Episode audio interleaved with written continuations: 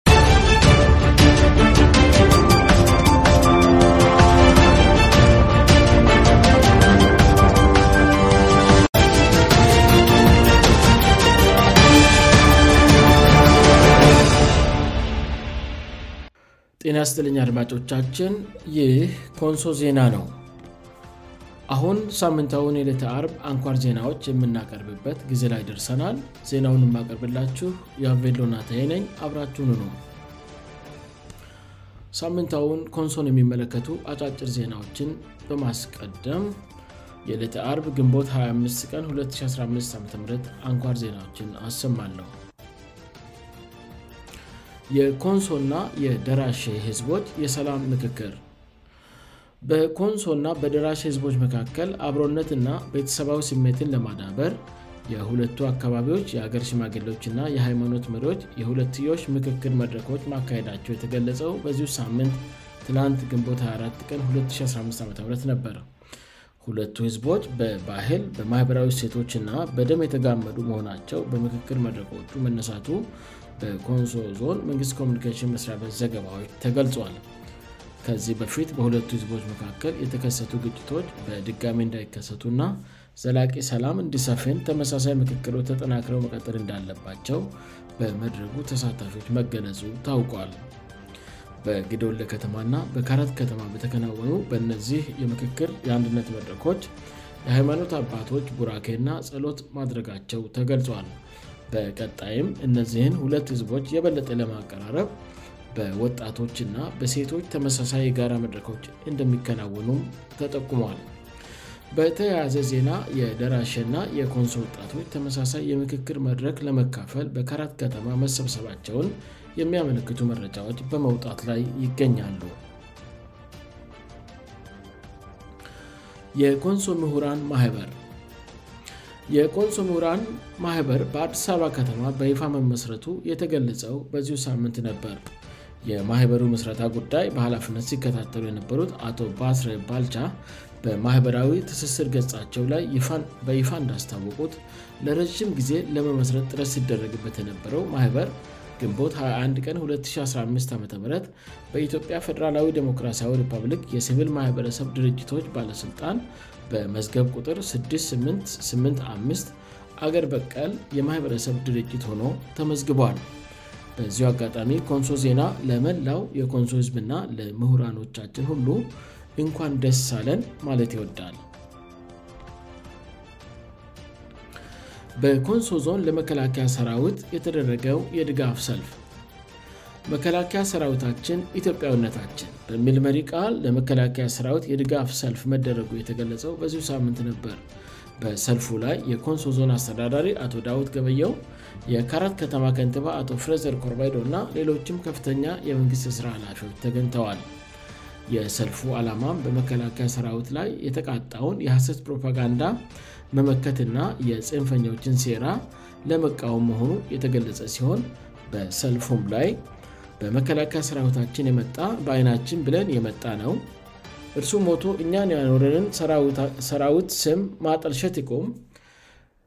ከህብረ ብሔራዊ ሰራዊታችን ላይ እጃችውን አንሱ የሚሉና ሌሎችም መፍክሮች በሰልፉ ላይ ተደምጠዋል የዞን አስተዳዳሪው በበኩላቸው ባደረጉት ንግግር መከላከያ ሰራዊት ህብረ ብሔራዊ አንድነትን የአፀና ተቋም መስሉ ተደምጠዋል ይህ ኮንሶ ዜና ነው አድማጮቻችን አሁን በዝርዝር የሚቀርቡ ዜናዎችን አሰማለው በቅድሚያ ሬሰ ዜናዎቹ ብልጽግና ፓርቲ ፍላጎታቸውን በኃይል ለማሳካት የምጥሩ ፅንፈኛ አካላት በእጅጉ ፈትነውኛል አለ በሽግግር ፍትህና ተጠያቂነት ዙሪያ ለመነጋገር የአሜሪካው የአፍሪካ ቀንድ ልዩ መልክተኛ ኢትዮጵያ ሊመጡ ነው ተባለያ አሜሪካ ከሱዳን ተፋላሚዎች ኃይሎች ጋር ግንኙነት ባላቸው ኩባንያዎች ላይ ማይቀብጥ አለች አሁን ዜናውን በዝርዝር አሰማለው ብርጽግና ፓርቲ ፍላጎታቸውን በኃይሌ ለማሳካት የሚጥሩ ፅንፈኛ አካላት በእጅጉ ፈትነውኛል አለ ገዚሁ ብልጽግና ፓርቲ ነጠላ ቡድናዊ ፍላጎታቸውን በኃይል ለማሳካት የሚጥሩእና ፅንፈኛ የሆኑ ያላቸው አካላት ባለፉት ወራት በእጅጉ እንደፈተኑት ማስታወቁን ኢትዮጵያ ኢንሳይደር ዘግበዋል በነፃነት አሰዳደርና አጠቃቀም መካከል ሚዛን ለማስጠበቅ በሚደረግ ጥረት ረገድም ፈተናዎችና ጉለቶች ማጋጠማቸውን ፓርቲው ገልጿዋል ይህ የተገለጸው ለሁለት ቀናት መደበኛ ስብሰባውን ሲያካሄድ የቆየው የብልጽግና ፓርቲ ሥራ አስፈፃሚ ኮሚቴ ስብሰባውን ባለፈው ረቡ ግንቦት 23 ቀን 2013 ዓም ማጠናቀቁን ተከትሎ ነው የገዢው ፓርቲ ሥራ አስፈፃሚ ኮሚቴ በዚሁ ስብሰባ የተወያየባቸውን ጉዳዮችእና ያስቀመጣቸውን አቅጣጫዎች በተመለከተ ገለፃ ያደረጉት የፓርቲው ምክትል ፕሬዝደንት አደም ፋራ ብልጽግና ፓርቲ ባለፉት ወራት ከፖለቲካ አንጻር የገጠሙት ፈተናዎች እንደነበሩ ተናግረዋል ባለፉት ወራት ነጠላ ቡድናዊ ፍላጎታቸውን በኃይል ለማሳካት ፍላጎት ያላቸውና የሚጥሩ አካላት በተለይ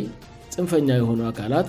ሀገራዊ አንድነታችንን በህብረብሔራዊ መሠረት ላይ በጽኑ እንዳንገነባ እጅጉን ፈትነውናል ያሉት አደንፋራ ፓርቲው ያጋጥመውን ይህን ፈተና ለመሻገር የተለያዩ ስራዎች መሰራታቸውንም ገልጸዋል የፓርቲው ምክትል ፕሬዝደንት ስራዎቹ ምን እንደነበሩ በዝርዝር ባይገልጹም ከዚህ አንጻር የተጠናከረ ስራ መሰራት ያስፈልጋል ብለዋል አቶ አደም በፈተናነት የጠቀሱት ሌላው በነፃነት አስተዳደርና አጠቃቀም መካከል ያለውን ሚዛን ማስጠበቅ ነው ፓርቲያችን ለነፃነት ትልቅ ቦታ የሚሰጥ ነው በቀጣይም ያንን አጠናክሮ መቀጠል ያስፈልጋል ያሉት ምክትል ፕሬዝደንቱ ነገር ግን ዜጎች የነፃነት መብታቸውን ለመጠቀም ጥረት ሲያደርጉ ግዴታቸውንም በአግባቡ የሚወጡበት ሁኔታ መፍጠር ይጠይቃል ስሉ የብልጽግና ፓርቲ ይህን ጉዳይ በተመለከተ ያለውን አቋም አብራርተዋል ዜጎችና የተለያዩ ቡድኖች የነፃነት መብታቸውን ለመጠቀም በሚያደርጉት ጥረት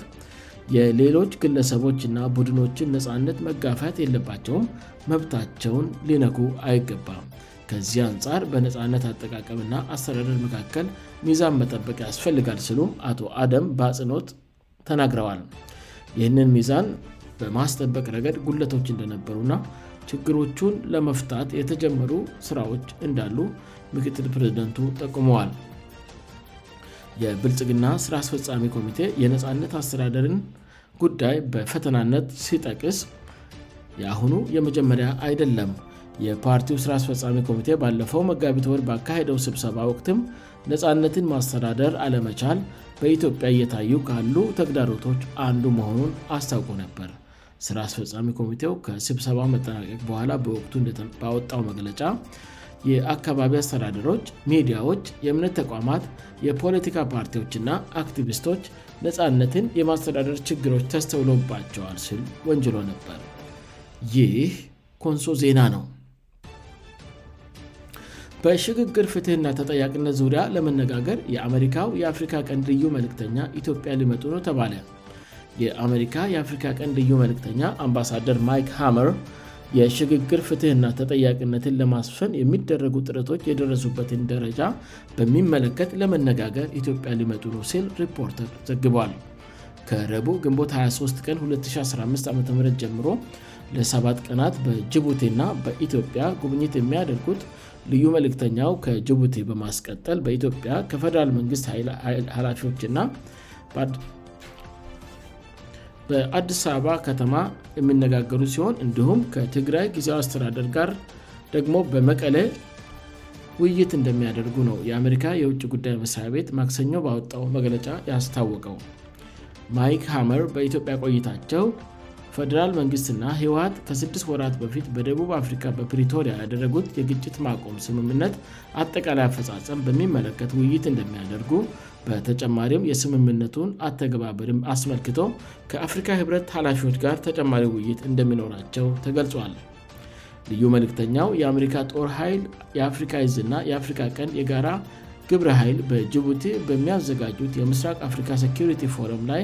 ለመሳተፍ ወደ ጅቡቲ እንደሚያቀኑ ነው የአሜሪካ የውጭ ጉዳይ መሥሪያ ቤት ያስታወቀው በጅቡቲ መቀመጫውን ያደረገው የምስራቅ አፍሪካ የልማት በይነ የመንግሥታት ድርጅት ኢጋድ ዋና ጸሐፊ ዶር ወርቅን የገበየው ጋር የድርጅቱን ሥራዎች የሚመለከት ሲሆን ከጅቡቲ መንግሥት ባለሥልጣናት ጋሬም በጋራ ትብብርና ቀጠናዊ ጉዳዮች ዙሪያ እንደሚወያዩ ተገልጿል የኢጋድ ዋና ጸሐፊ ቃል አቀባይ ኑር መሐመድ ልዩ መልእክተኛው ከዶክተር ወርቅን የገበዬው ጋር ስለሚኖራቸው ውይይት ለሪፖርተር እንደገለጹት ልዩ መልእክተኛው ኢጋድ በዲፕሎማሲ ላይ ያለውን ዋና ሚና ሊያደንቁ እንደሚፈልጉ ተናግረዋል ጋ በቀጠናው ላይ የሚጫወተውን የሰላምና የደህንነት እንዲሁም የኢኮኖሚ ትስስር ሚና አሜሪካ እውቅና እንደሚሰጥና ከድርጅቱም ጋር በእነዚህ ጉዳዩ ዙሪያ ትብብር እንደሚታደርግ ግልጽ እንዳደረገች ቃል አቀባዩ ገልጸዋል ይህ ኮንሶ ዜና ነው በመጨረሻም አሜሪካ ከሱዳን ተፋላሚ ኃይሎች ጋር ግንኙነት ባላቸው ኩባንያዎች ላይ ማይቀብጣለች በሱዳን በሱዳን ጦርና በጀነራል ሃምዳን ዳጋሎ በሚመራው ፈጥኖ ድራሽ ኃይል መካከል የተቀሰቀሰው ጦርነት አሁንም እንደቀጠለ ነው አሜሪካ በሱዳን ያለው ግጭት እያባባሱ ነው ስትል በከሰሰቻቸው ኩባንያዎች ላይ ማይቀብጥላለች አሜሪካ ይህንን እርምጃ ይወሰደችው በተለያየ ጊዜ የተኩስ አቁም ስምምነት እየተፈራረሙ ተግባራዊ ማድረግ ያልቻሉት የሱዳን ተፋላሚ ኃይሎች ተኩስ እንዲያቆሙ ለማድረግ ነው ተብሏል የአሜሪካ ገንዘብ ሚኒስትር አንድ ግዙፍ የመከላከያ ኤንተርፕራይዝን ጨምሮ